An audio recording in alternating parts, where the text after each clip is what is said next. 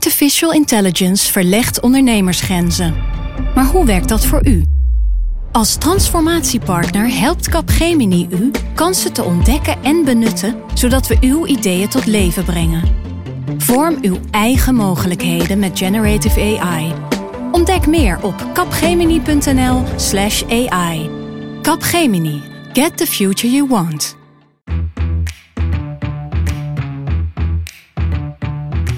Dit is Haagse Zaken van NRC. Mijn naam is Lemja Aharon. Het samenwerken met Forum voor Democratie in Brabant. De opvang van vluchtelingenkinderen uit Griekse kampen. Hoeveel boeren moeten bijdragen aan de oplossing voor het stikstofprobleem.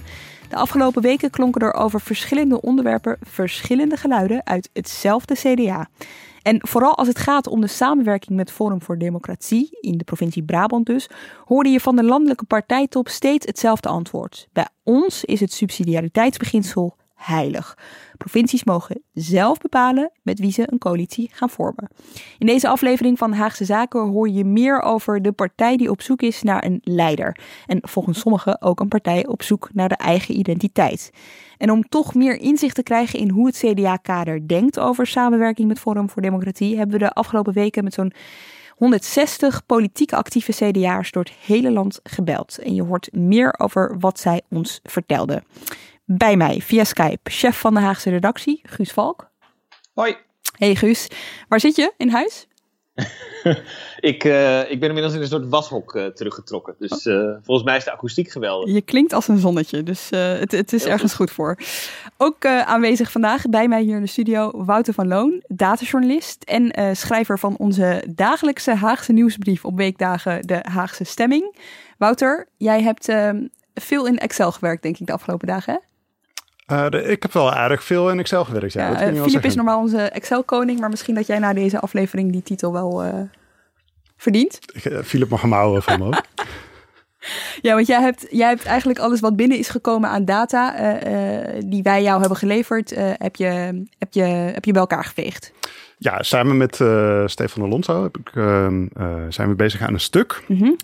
dat vandaag ook in de krant verschijnt. Mm -hmm over de samenwerking uh, tussen het CDA en uh, Forum van Democratie. uh, want we waren op de, op de redactie benieuwd hoe dat eigenlijk leefde binnen het CDA. En nou, dan is de beste manier om dat te doen, is om met heel veel mensen te gaan praten. En dat hebben we dus gedaan de afgelopen weken. Met twintig redacteuren zijn we gaan bellen. En dat hebben we gedaan um, naar politici die een soort afspiegeling zijn van het complete partijkader van het CDA. Misschien is het interessant om even te vertellen hoe dat dan ongeveer gaat. Ja. Want een steekproef is namelijk nog best wel een beetje een bewerkelijk uh, uh, onderzoeksmethode. En het zijn natuurlijk een heleboel politiek actieve CDA's door het hele Zeker, land. Zeker, ja. Het zijn, zeg ik uit mijn hoofd, een goede 1800. Mm -hmm. Um, maar het fijne is dat er wel lijsten bestaan van raadsleden, statenleden, kortom politici in, door het hele land heen.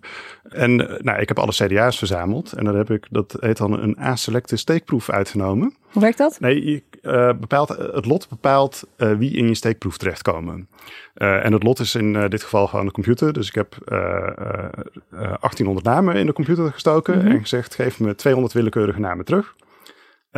En daar zijn we er dus 200 van gaan bellen ongeveer. Het zijn 160 geworden uiteindelijk.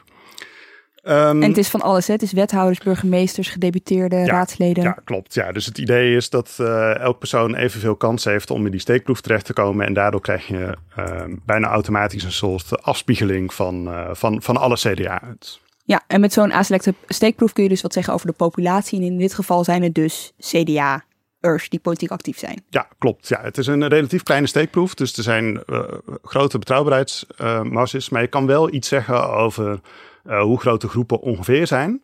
En het fijne is, omdat we ook uh, echt hebben doorgevraagd, kun je ook iets zeggen over de argumentatie die achter uh, de standpunten van die CDA's liggen. Dus nou, daar kunnen we nu ook iets over vertellen. Nou, eerst maar eens eventjes. We hebben er 160 ongeveer gebeld hè, met, met de hele ja. redactie. En hoeveel mensen hebben daar hebben daar gebruik van gemaakt? Hebben ook echt de, de vragen beantwoord? Ja, nou, er zijn uh, ongeveer drie kwast hebben we te pakken gekregen en uh, die wilden ook meewerken. Dus dat zijn uh, in totaal 120 CDA's hebben we gesproken en die hebben verteld wat ze van samenwerking met de Forum voor Democratie vinden. Ja. En we hebben gevraagd of dat ze zelf zouden kunnen samenwerken met Forum voor Democratie. Dus op lokaal niveau? Op lokaal niveau. Dus stel je voor dat Forum in de gemeenteraad zou zitten bij u. Wat zou, u dan, zou dat een optie voor u kunnen zijn om, om samen te kunnen werken? en dan zie je dat ongeveer twee derde daarop ja zegt. Dat is wel ja met een flinke maar, maar dat die, ze staan ervoor open om te kijken of dat, dat zou kunnen. Um, op landelijk niveau, want dat hebben we ook gevraagd, zou CDA op landelijk niveau samen kunnen werken?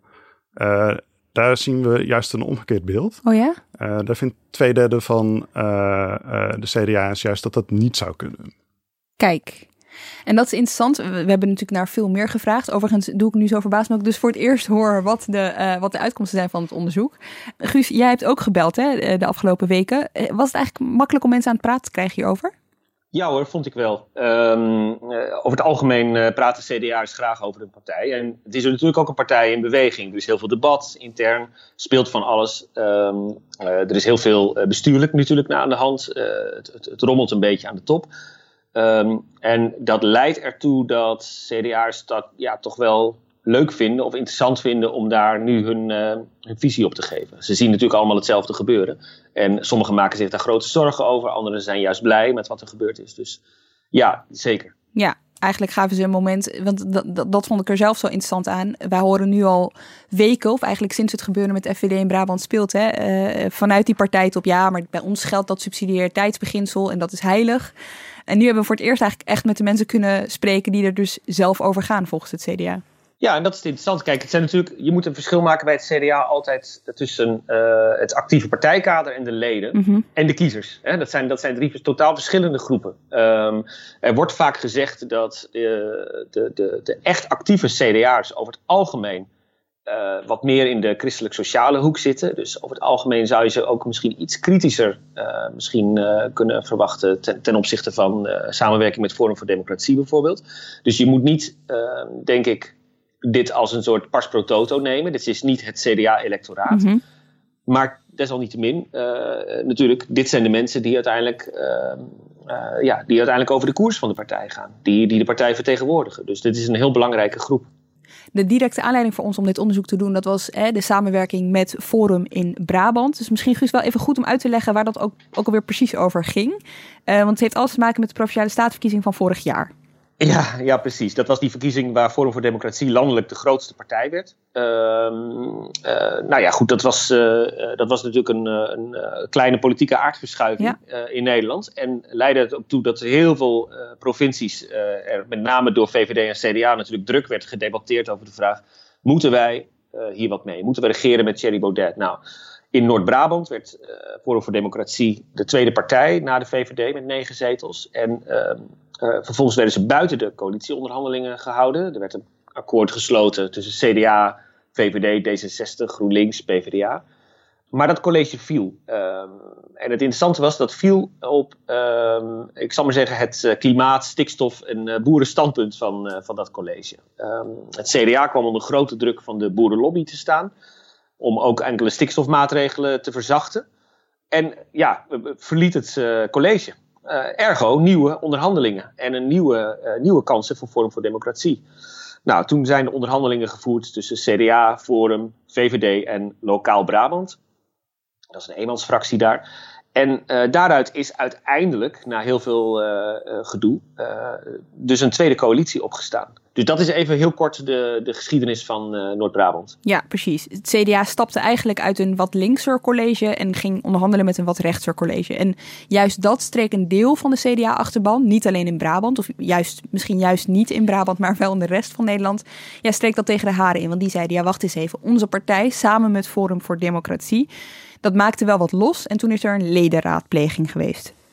Ja, en die ledenraadpleging, dat uh, is misschien denk ik voor veel mensen nog erger bijna dan het samenwerking met Forum voor Democratie. Want het interessante was dat het bestuur landelijk zich volledig op de vlakte hield over deze kwestie. Um, op de achtergrond hebben we aanwijzingen voor wel degelijk natuurlijk meedacht en meestuurde, maar um, niet een, een intern debat hierover organiseerde. Daarna is, is dus in Brabant aan de leden gevraagd: wat vinden jullie hiervan? Nou, um, die leden zijn in meerderheid uh, voor samenwerking, bleek uit een ledenraadpleging. Maar dan moet je wel een heleboel asterisken bij plaatsen. namelijk, maar 16% van de 5000 leden daar deed mee aan dat, aan dat referendum. Van die groep was nog maar de krappe meerderheid, 56% voor samenwerking. Bovendien, de vragen die gesteld werden, um, nou ja, die, die uh, voldoen ook niet helemaal. Dat waren vragen als: uh, regeren met Forum voor Democratie is acceptabel, mits de inhoud van het coalitieakkoord herkenbaar is voor het CDA. Past binnen onze kernwaarden en recht doet aan de uitgangspunten in ons verkiezingsprogramma. Ja, nou, stem daar maar eens tegen. ja, ja, stem daar maar eens ja. tegen, precies.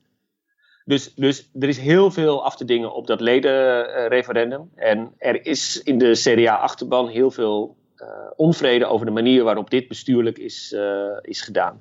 En een van de dingen die daarbij speelde is, uh, het is heel erg aan Brabant overgelaten. Dus waar een deel van de partij dat gebruikte als argument, hè, wij, wij, wij hebben dat zo ingericht, het is bijna arrogant om als landelijk te gaan zeggen aan een provincie wat ze wel of niet mogen doen, was dat voor een ander deel van de partij, ja, die, die, die had daar echt grote moeite mee en die was eigenlijk op zoek juist naar een landelijke partijtop die zich heel duidelijk voor of tegen samenwerking met FVD zou uitspreken.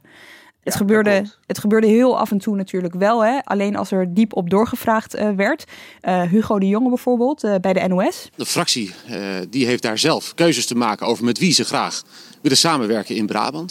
Dat heb ik altijd gezegd vanaf het begin af aan. Wat zegt dit over de kansen van een samenwerking met Forum hier in Den Haag? Die staan er volstrekt los van en daar ben ik volgens mij ook altijd wel helder over geweest, toch? Dat ziet u niet zitten? Ik niet, nee. Nee, dus die was daar heel erg duidelijk over. Die ziet het niet zitten. Um, bij de jongen zie ik overigens nog wel een, een interessant dingetje. Het is wel van een, van een tijdje terug. Maar ik moest al snel denken aan, um, ik weet niet of jullie dat kennen, maar uh, de Tour van Thijs. Dat is in de zomer altijd een, een, eh, een radioprogramma van uh, Thijs van der Brink. Die gaat dan fietsen, met, uh, vaak met politici. En in de zomer van 2018 deed hij dat met Hugo de Jonge. En toen vroeg je hem, goh, zou jij samen kunnen werken met de PVV ooit? En toen was het antwoord van de Jonge, ik vind dat je moet samenwerken als zo'n grote groep mensen op de PVV heeft gestemd. Het enkele feit dat je het oneens bent met elkaar vind ik geen goede reden om niet samen te werken. En een jaar later, dus dat was vorig jaar, ook in de zomer, kwam hij daarop terug. Toen noemde hij dat een misverstand. Dat moest de wereld uit volgens hem. Samenwerking in een kabinet met de PVV is niet voor herhaling vatbaar. Never again. Dus daar heeft een soort van ontwikkeling in het denken plaatsgevonden bij, uh, bij Hugo de Jonge. Nou ja, dat is interessant. En ze hebben natuurlijk, uh, daarom denk ik, is, is er ook ja, behoorlijk veel uh, onvrede over hoe het bestuur het heeft aangepakt er leeft in het CDA natuurlijk nog echt dat PVV-trauma van 2010. Hm. En um, dat heeft enorme invloed op hoe er ook nu naar Forum voor Democratie wordt gekeken.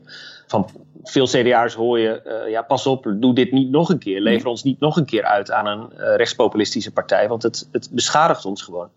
Maar dus, ja, en, en, en lange tijd kwam dat niet vanuit de partijtop. Dus moesten we het doen met bewindspersonen die zich er al dan niet over uitspraken. Ja, dat is, het, dat is het bizarre. Maar het CDA heeft natuurlijk. Um, uh, het lastige aan het CDA is dat ze natuurlijk op heel veel uh, borden tegelijk aan het schaken zijn. Um, ze, ze zwalken een beetje met de koers. Ze willen eigenlijk niemand uitsluiten. Dat is wel heel erg CDA natuurlijk.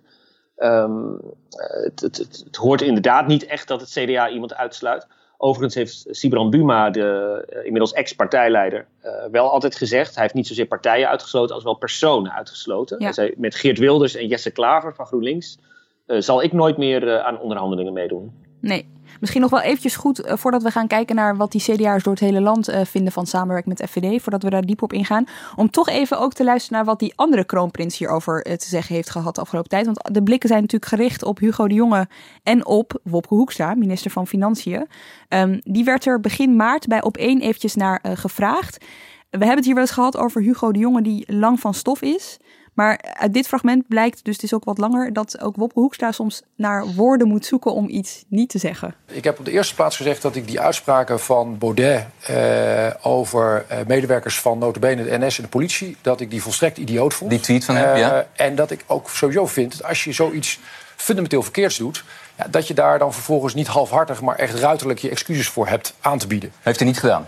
Nee, en dat vind ik, ja, vind ik echt vind ik kwalijk. En ik vind die uitspraken gewoon ook principieel vind ik die verkeerd. Dat is het eerste wat ik erover gezegd heb. Maar zegt u daarmee ook, daarmee heb ik ook grote moeite om met hem samen te werken? Nee, het tweede wat ik gezegd heb, en dat is, vind ik ook belangrijk... dat we in Nederland de democratie ook zo hebben georganiseerd... Uh, dat men provinciaal bepaalt met wie men gaat samenwerken. Ja. Nou, dus ik vind ook dat men daar, uh, het CDA, de VVD, partijen daar zelf een afweging in moeten maken als er straks een, een, een formatie weer in Nederland komt, maar daar zijn we wat mij betreft in ieder geval nog ruim een jaar vanaf, ehm, dan, ja, dan komt die vraag natuurlijk ook weer op tafel. En dan moeten we, daar gewoon, moeten we dan gewoon kijken. Ja.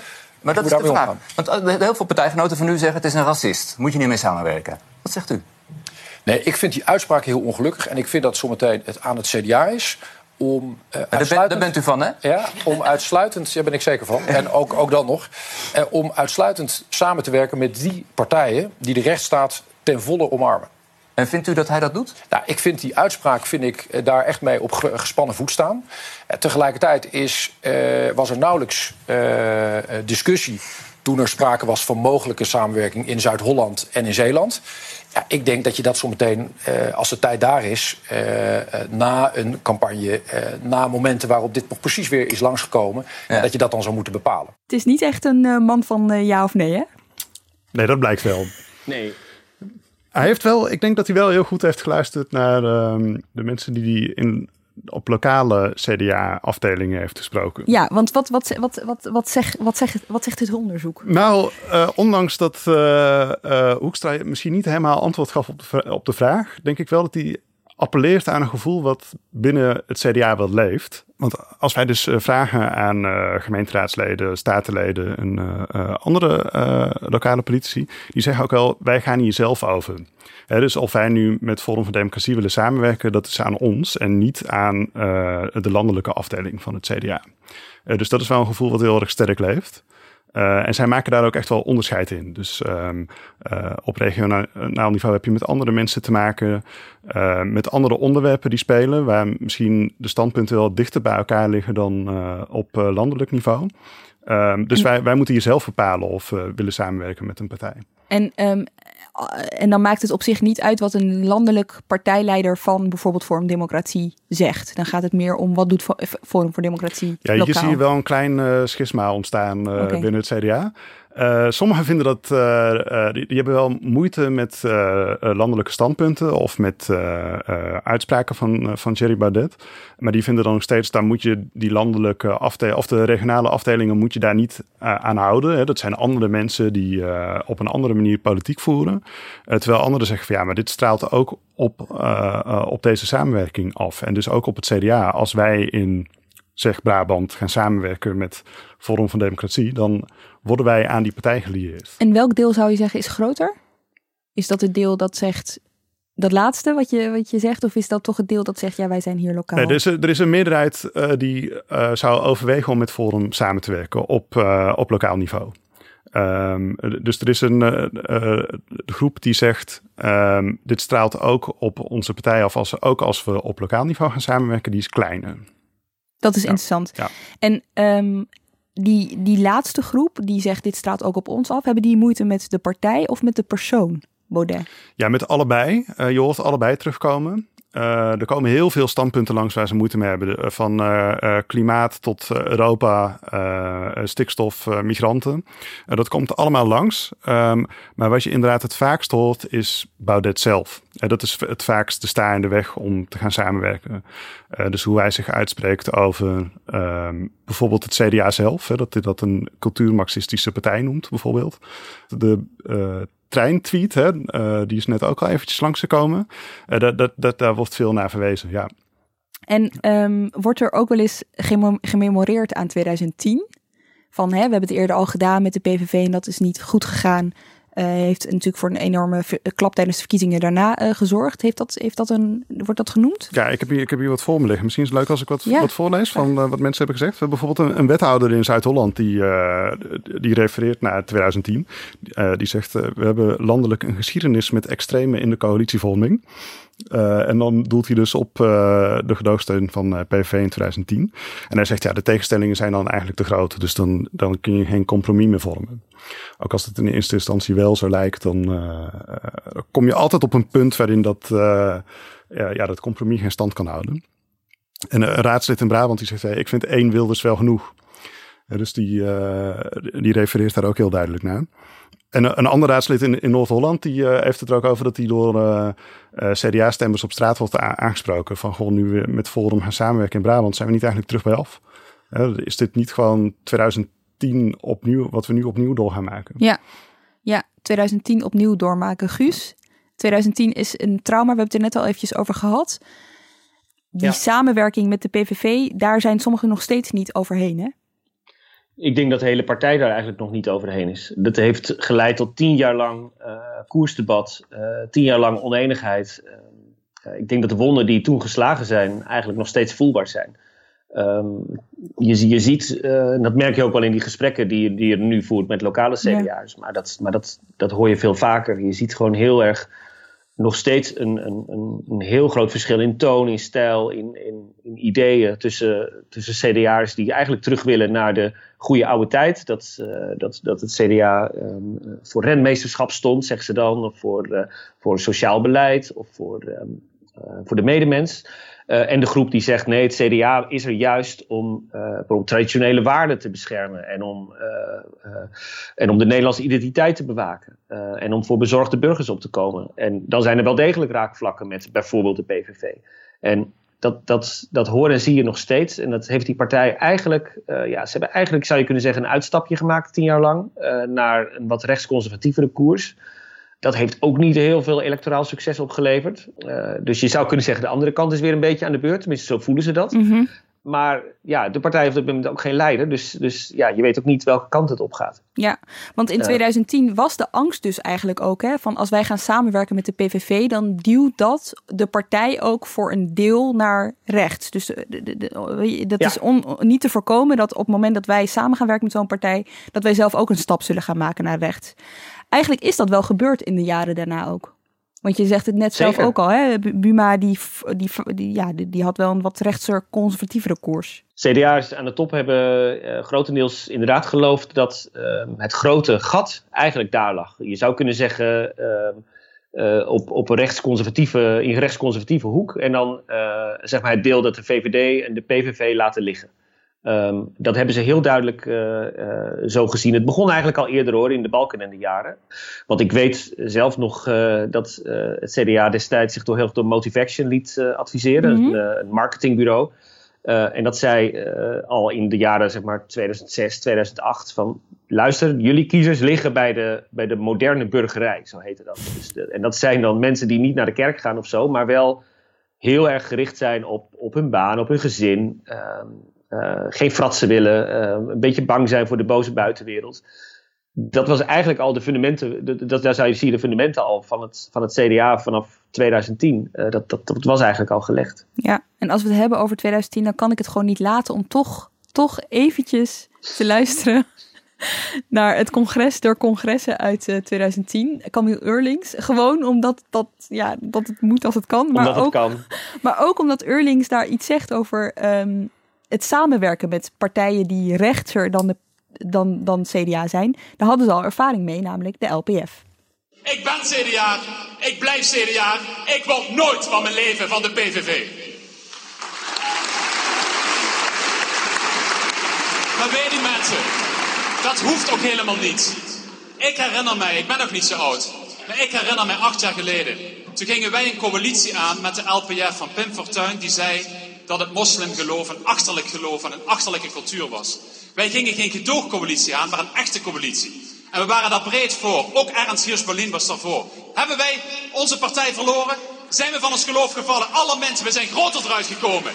En ik vertrouw het onze leiding toe. Partijvrienden, ik vertrouw het onze leiding toe. Om dadelijk, als wij op deze tocht gaan, om die lijn te bewaken. Maxime, Jij hebt hier uit je hart gesproken. Jij hebt je hier openbaard, het diepste van je ziel met ons gedeeld. En zo ken ik jou al twaalf jaar lang. Jij bent een mens van vlees en bloed, je bent een christendemocraat en harde nieren. Jij zult onze idealen nooit verloochenen. Was jij hier eigenlijk bij, Guus? Of zat je toen al in de VS? Nee, ik zat toen in uh, Israël. Oh, Israël. Dus uh, nee, ja. dat heb ik niet uh, meegemaakt. ja, Oké, okay. Maar goed, die woorden van toen, de angst van toen, um, dat daar is nog steeds, die, die bestaat nog, nog steeds. uiteindelijk werd hij natuurlijk ingestemd door een groot deel van de CDA-leden die aanwezig was overigens, hè, ruim twee derde, om toch met de PVV een kabinet te gaan vormen, gedoogcoalitie in ieder geval, in Rutte 1. Dat was voor veel CDA'ers maar ook voor VVD'ers eigenlijk een redelijke nachtmerrie. Viel na twee jaar. Ja, het kabinet viel en uh, het, CDA kreeg uh, ook van kiezers uh, en, en vooral ook van het partijkader enorme straf. Ehm, het heeft heel lang geduurd voordat ze daar enigszins uitkropen. En je zou kunnen zeggen dat het misschien nooit meer gebeurd is. Dus dit is in alle opzichten traumatisch geweest, inderdaad. Ja. Ze, hebben, ze hebben zich destijds gecommitteerd aan de PVV. je ziet nu die, die, die flirts met Forum voor Democratie. Als je naar die enquête kijkt, vind ik wel interessant, ook wat Wouter net vertelde, dat Ehm, dat de CDA'ers kennelijk wel een onderscheid maken tussen de Partij Forum voor Democratie en de persoon Thierry Baudet. En uh, als de bezwaren, uh, een beetje in het verlengde van wat Buma altijd heeft gezegd over Wilders, als de bezwaren zich heel erg richten tegen Baudet en tegen zijn stijl en zijn tweets en, en, uh, en wat hij allemaal roept, dan opent dat ook een beetje de deur natuurlijk voor juist heel veel samenwerking met Forum voor Democratie. Want je kunt altijd zeggen, ja, maar op lokaal niveau speelt dat allemaal niet. Uh, daar spelen hele andere dingen. Dus ja. uh, in zekere zin is deze enquête voor zeg maar, de, de, de mensen die uh, pro-samenwerking zijn, helemaal niet zo slecht nieuws, denk ik. Nee. En dat viel mij ook wel op in de gesprekken met CDA'ers in aanloop naar die samenwerking in Brabant. Dan werd vaak gezegd, als je kijkt naar het verkiezingsprogramma, dan is daar niet per se iets op tegen. Het gaat vaak om de uitspraken die Baudet zelf doet, in welk medium dan ook. En niet zozeer om het verkiezingsprogramma zelf. Ja, daar zie je ook al een tweedeling in. Um, dus aan de ene kant zie je veel CDA's die wel moeite mee hebben. Aan de andere kant zie je ook CDA's die zeggen van ja, um, onze standpunten staan dichter bij Forum voor Democratie dan bij GroenLinks. Dus uh, waarom zouden we niet met de FVD kunnen samenwerken? En hoe is dat ongeveer verdeeld? Valt daar iets over te zeggen? Nou, dat is, dat is wel moeilijk. Maar je ziet dat uh, die argumentatie wel regelmatig terugkomen. Ja. ja dus uh, er wordt vaak naar GroenLinks verwezen. Zeker door uh, gemeenteraadsleden of statenleden die, die, die, wat meer aan de agrarische kant zitten, zeg maar. Dus die bijvoorbeeld zelf ook agrariër zijn. Uh, die zeggen al vaak van ja, uh, zeker als het aankomt op, uh, op het standpunt van boeren, dan, dan ligt FVD misschien wel dichtst bij het CDA zelfs. Ja, en wat ik boeiend vind is dat ditzelfde landelijk dus ook speelt. Er is een deel in het CDA, in de landelijke top, die denkt wij kunnen veel groter worden op het moment dat we de VVD rechts in gaan halen eigenlijk. En dus ook samen durven te werken met FVD. En er is een kant die zegt, nou ja, waar jij het net over had, uh, Guus, onze kernwaarden zijn uh, publieke gerechtigheid, uh, solidariteit, rentmeesterschap. wij horen juist meer met, met linkse partijen samen te gaan werken. En daar is dus een hele interessante, ja, ik zou het niet machtsstrijd willen noemen, er is een hele interessante ideeënstrijd gaande. wie zijn wij als partij en aan welke kant van het spectrum passen wij dus? En tegelijkertijd kun je ook afvragen, want ja, bepaal je wie je bent als partij door wie je bent of door met wie je samenwerkt? Nou, die, die waarden die je net aanhaalt, die worden ook vaak als argumentatie gebruikt door tegenstanders. Dus uh, we hebben waarden in de partij en die passen niet bij hoe FVD zich manifesteert, is het vooral.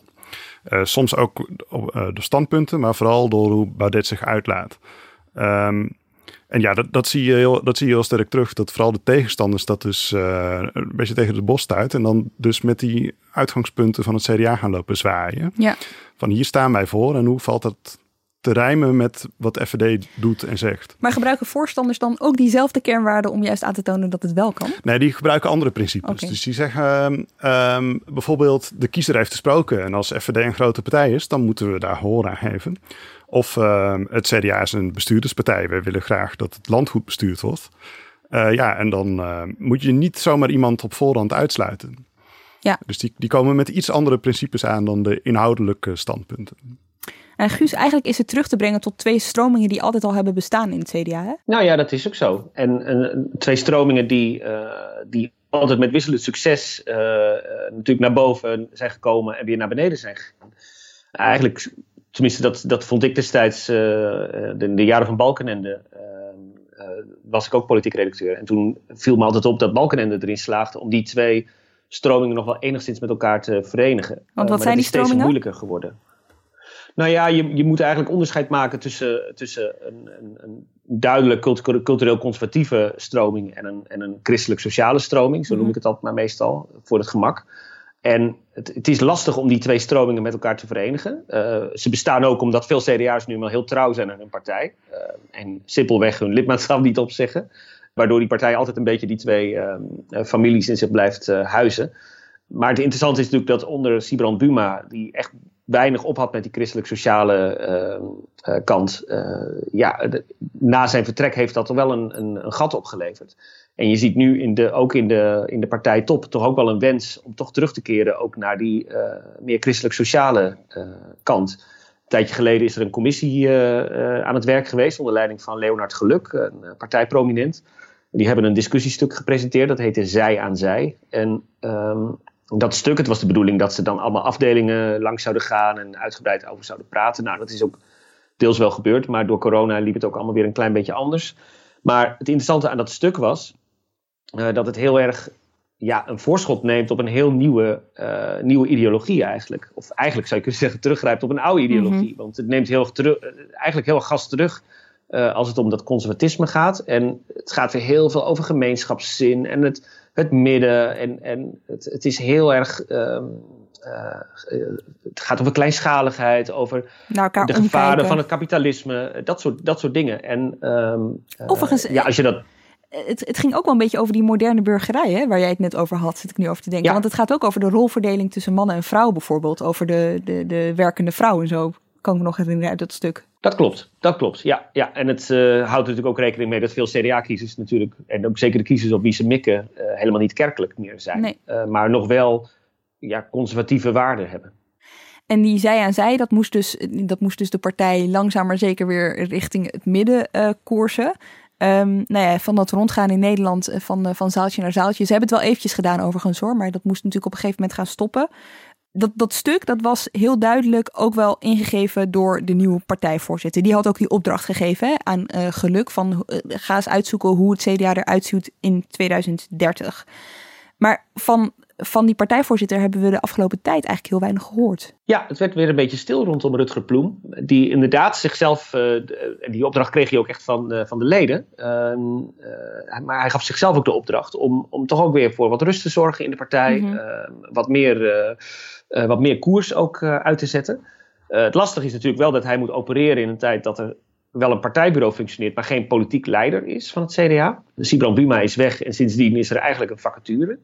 Want Pieter Heerma is wel fractievoorzitter, maar nadrukkelijk geen politiek leider. Um, spreekt zich ook nooit uit eigenlijk over, um, over interne kwesties. Um, en heeft ook, meteen, van. heeft ook meteen duidelijk gemaakt hè, op de dag van zijn benoeming van ik ben, een, ik ben een soort tussenpauze. Verwacht niet van mij dat ik hierna nog uh, terugkom als partijleider. Precies. Dus uh, in die zin is het interessante aan het CDA is dat ze nu, ze hebben dat, dat zij aan zij. Ze hebben eigenlijk hun ideologie al klaar liggen. Maar ze hebben nog geen boegbeeld dat dat moet gaan uitdragen. Dus ze hebben het eigenlijk misschien verkeerd omgedaan. Um, misschien had het geholpen als ze eerst een lijsttrekker hadden gehad. En vervolgens een ideologie. Maar goed, dat is hun probleem verder.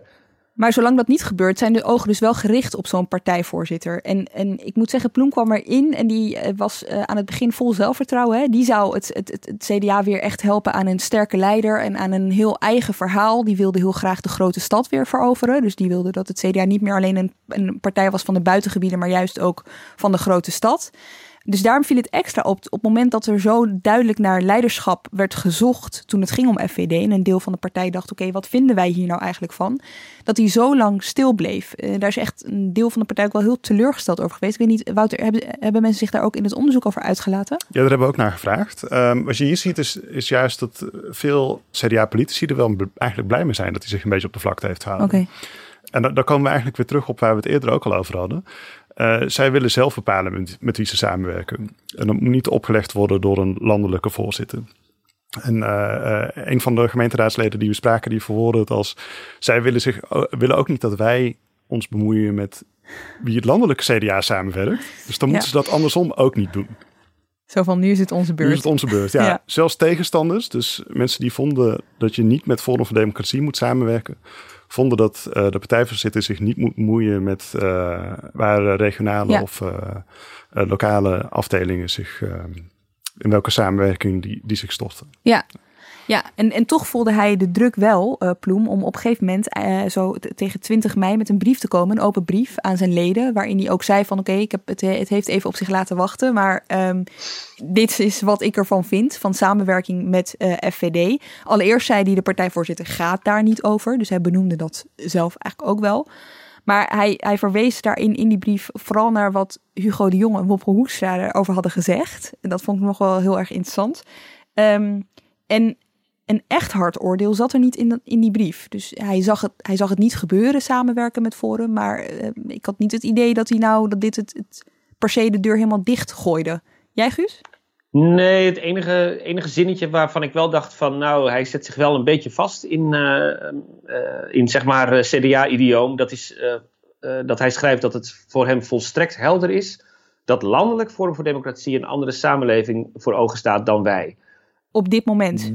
Op dit moment, ja. Dus ja, dat vond ik nog wel een, een, interessante toevoeging. Ja, je moet altijd een ontsnappingsdeurtje hebben natuurlijk. Maar, uh, maar de, de, boodschap was volgens mij wel duidelijk dat, uh, uh, dat het wat hem betreft landelijk niet hoeft. Mhm. Maar dat hij er lokaal en regionaal niks, niks tegen in kan brengen. Nee. Een paar dagen voordat dit gebeurde was er een afdeling in, in Vught en dan denk je, nou ja, Vught, uh, hè, mega klein. Maar toch, daar hebben ze binnenkort uh, in het najaar in ieder geval te maken met uh, herindelingsverkiezingen. Um, dus een campagne. een van de weinigen dit jaar natuurlijk. En die riepen het partijbestuur van het CDA op: help ons nou eventjes. Wat is eigenlijk wat wij mensen straks op straat moeten gaan vertellen? Waar staan wij eigenlijk voor? Um, en dat is een vraag die over tien maanden natuurlijk landelijk ook gaat spelen bij het CDA. Of eigenlijk daar, daarvoor al, want over tien maanden zijn die verkiezingen al. Um, en iemand die dat de afgelopen tijd ook zei, is een Tweede Kamerlid, Chris van Dam. Uh, die schreef op uh, christendemocraat.nl een, een opiniestuk met de uh, titel Maar welke CDA-identiteit willen we bewaken? En dat vond ik heel erg interessant. Hij hekelde in dat stuk de, de samenwerking met FVD in Brabant. Maar hij wierp meteen een andere vraag op, die de komende tijd natuurlijk veel gaat spelen. En dat is, wie zijn wij als partij? Want juist omdat ze aan de ene kant die rechts conservatieve eh, deel van, van de partij uh, borgen. En aan de andere kant dus dat sociaal-christelijke deel.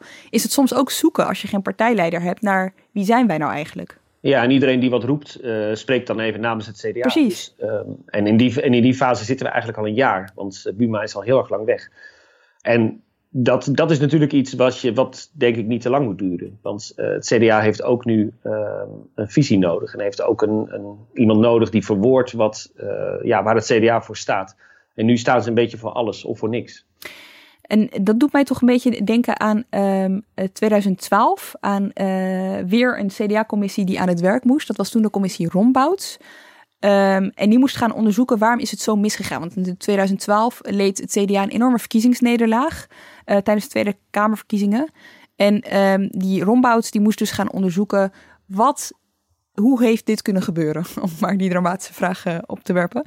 En die kwam uiteindelijk met drie O's als reden, onduidelijkheid, oneenigheid en onbekendheid. Onduidelijkheid en oneenigheid. En daar wil ik het even met u over hebben. Het is voor de kiezer onduidelijk geworden waar het CDA voor stond.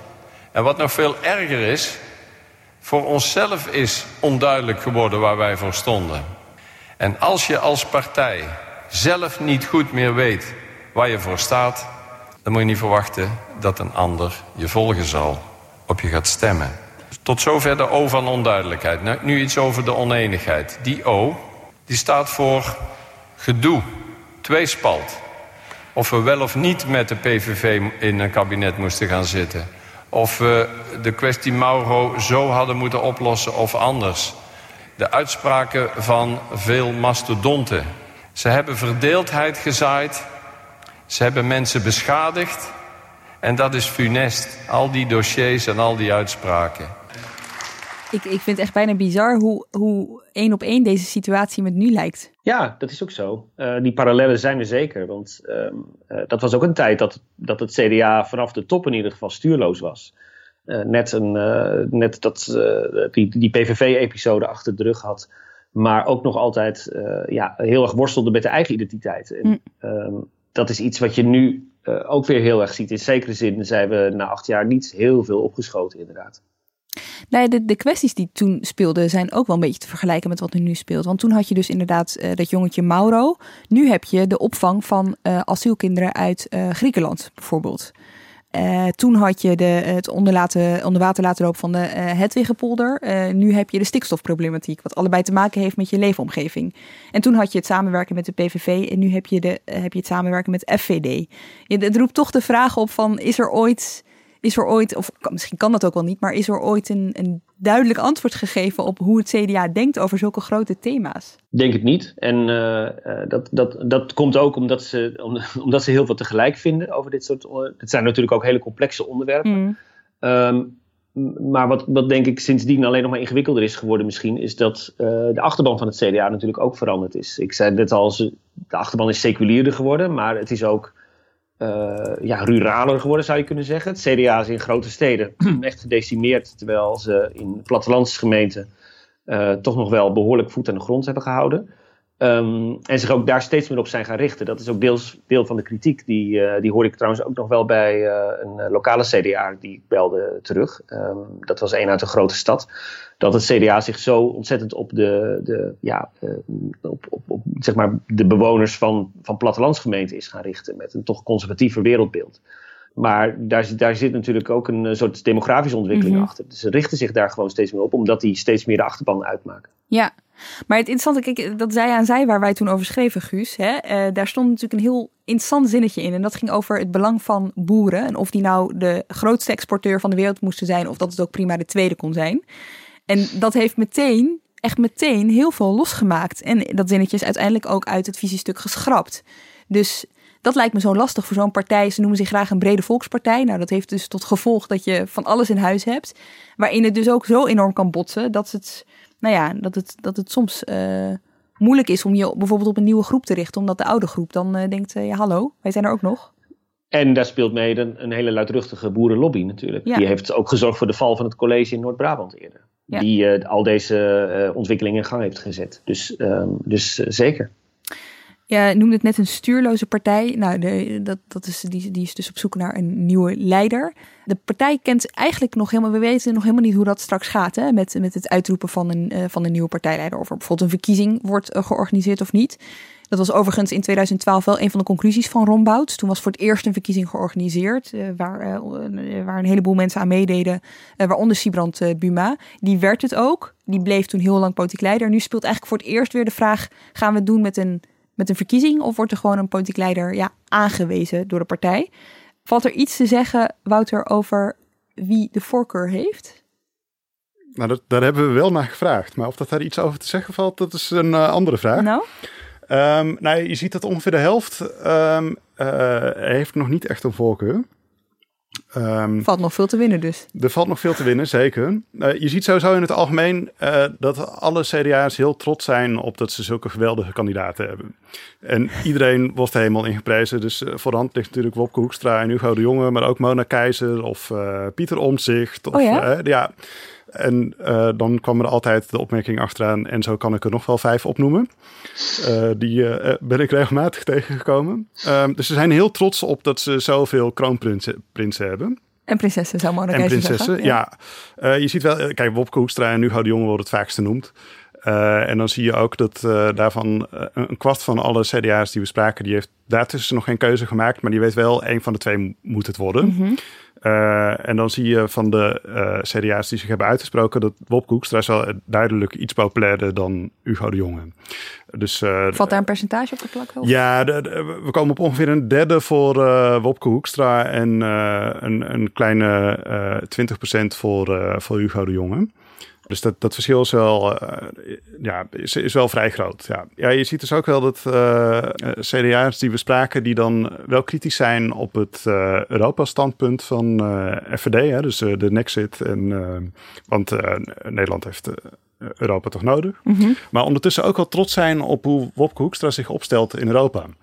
Hè, dus uh, hoe die uh, uh, nou, toch wel een beetje de Zuid-Europese landen de les leest over hoe ze hun financiën op orde ja. moeten krijgen, bijvoorbeeld.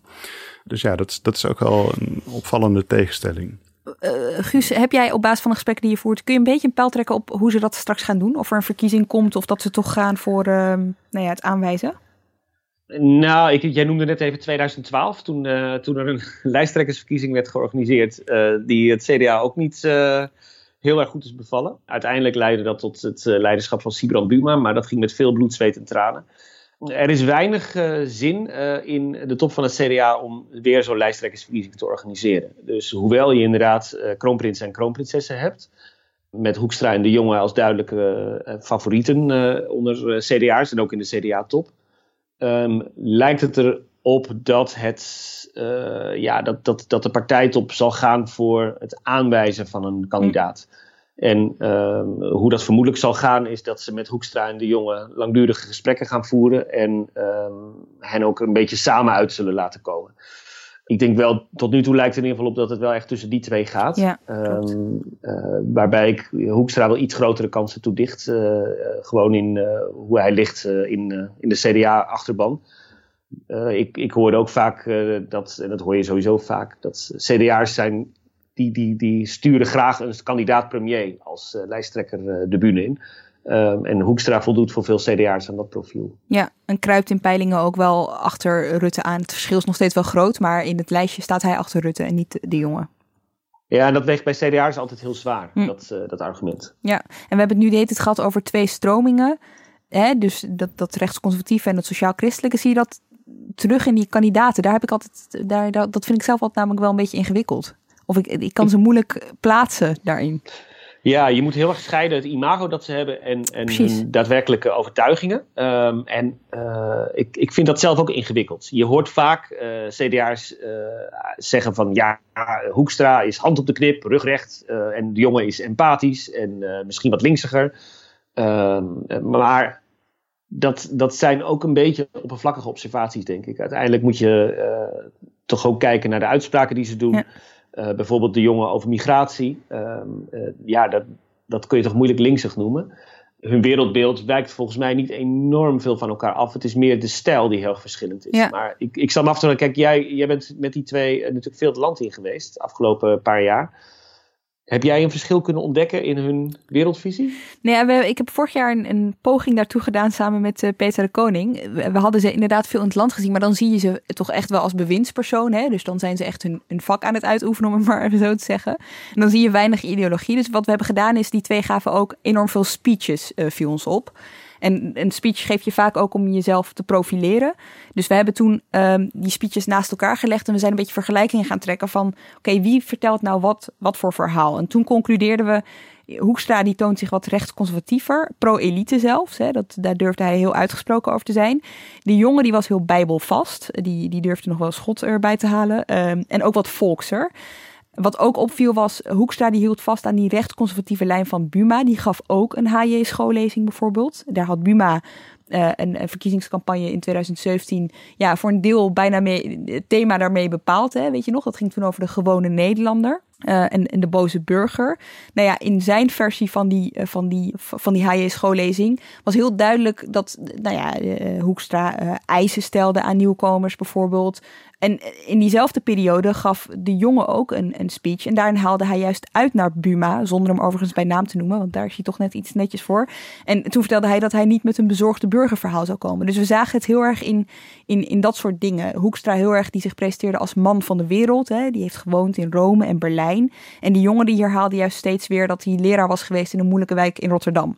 Dus eh, op die manier pro probeerden ze zich te profileren. Maar ik denk tegelijkertijd dat ze allebei prima welk verhaal dan ook van het CDA zouden kunnen vertellen. Omdat ze niet zo ideologisch overkomen dat ze uh, dus absoluut niet die andere stroming binnen hun partij zouden kunnen vertegenwoordigen. ze hebben allebei nu natuurlijk ook wel een heel belangrijke taak uh, in de hele coronacrisis. Hè? Dus de jongen is, is het gezicht van, uh, je zou zeggen, de medische kant van de coronacrisis. Ja. En, terwijl Hoekstra, nou die heeft in Europa een, een gevecht te vechten, zullen we maar zeggen dat is denk ik ook wel interessant, hoe dat de komende maanden zich gaat ontwikkelen. Misschien gaat een van de twee wel echt heel erg hard op zijn neus. Um, of weet een van de twee zich juist heel nadrukkelijk te onderscheiden. Uh, en dat, dat zou ook nog wel invloed kunnen hebben op uh, de hele leiderschapsvraag. Ja, want voordat, voordat die coronacrisis begon, hoorde je vaak vanuit het CDA: het is een luxe dat we twee duidelijke kandidaten hebben. Want als een van de twee toch op zijn bek gaat, om, om het maar even zo te zeggen, dan is er altijd nog een ander. Dus het is in het belang om dat zo, zo ver mogelijk voor ons uit te schuiven wanneer we die keuze maken. Want dan heb je altijd nog een reserve. Nou ja, en dat ik dacht de afgelopen weken wel van, nou ja, nu is het moment waarop dat misschien toch wel een verstandige keuze is gebleken. Omdat, je, eh, omdat ze nu allebei, nou ja, met Hugo de Jonge, die is natuurlijk verantwoordelijk voor verpleegzorg. Um, er heerst nogal een vraag van, is er wel op tijd ingegrepen bij die verpleeghuizen. Nou, stel nou dat daar straks toch van blijkt, het is te laat geweest. Ja, dat lijkt me een behoorlijke bananenschil. En tegelijkertijd uh, stevenen we af op een economische crisis. En Wopke Hoekstra is minister van Financiën. Dus ook dat lijkt me nog wel iets waar hij eventueel nog op afgerekend kan worden. Dit is voor allebei. Je ziet in die enquête ook wel dat sommige CDA's zich afvragen of uh, Wopke Hoekstra in Europa nog wel premier zou kunnen zijn. Na de afgelopen periode, waarin jullie toch echt wel uh, stevig van leren is getrokken. Van, kun je nog met Hoekstra als premier aankomen? Ja. Dat is niet een heel breed gedragen uh, sentiment, maar dat zie, je, dat zie je hier en daar wel terug. Ja. Even resumerend, uh, Guus, ik begin maar even bij jou. Wat, wat, heeft de, wat heeft dit onderzoek nou eigenlijk geleerd? Um, ik denk een paar dingen. Ik denk dat het uh, uh, in zekere zin een geruststelling is voor het uh, partijbestuur. dat ze merken dat, dat ze hieruit kunnen aflezen dat het kader, partijkader, weliswaar heel kritisch is op landelijke samenwerking met Forum voor Democratie, maar lokaal en regionaal ehm, bereid is dat door de vingers te zien. Zo zou je het maar moeten formuleren. -hmm. Dat in de eerste plaats. Um, er komt niet, wat mij betreft, heel duidelijk uit welke stroming uh, nu echt de overhand heeft. Dus dat, in die zin blijft het een gespleten partij. Dat lijkt me weer zorgelijk als ik CDA zou zijn. En in de derde plaats, denk ik, is ja, misschien voorzichtig goed nieuws voor uh, Wopke Hoekstra. Die, uh, die toch onder um, ja, het partijkader toch wel een iets grotere populariteit lijkt te hebben. Dat lijkt mij de, ja. de meest simpele samenvatting eigenlijk. Wouter? Nee, ja, en dat uh, uh, Baudet als persoon dus een, blijkbaar een sta in de weg is voor het CDA om daarmee samen te werken. Dus het gaat heel vaak niet per se om standpunten, maar vooral om hoe die verwoord worden en de retoriek die daarbij wordt gebruikt. Als je zelf de onderzoeksresultaten nog wil lezen, ze staan dus in de krant van zaterdag 30 mei en een linkje daarnaar vind je in de show notes. Dank jullie wel, Guus Valk en Wouter van Loon. Dank ook voor het luisteren. Productie en redactie van deze aflevering waren in handen van Iris Verhulsdonk. Volgende week zijn we er natuurlijk gewoon weer. Tot dan.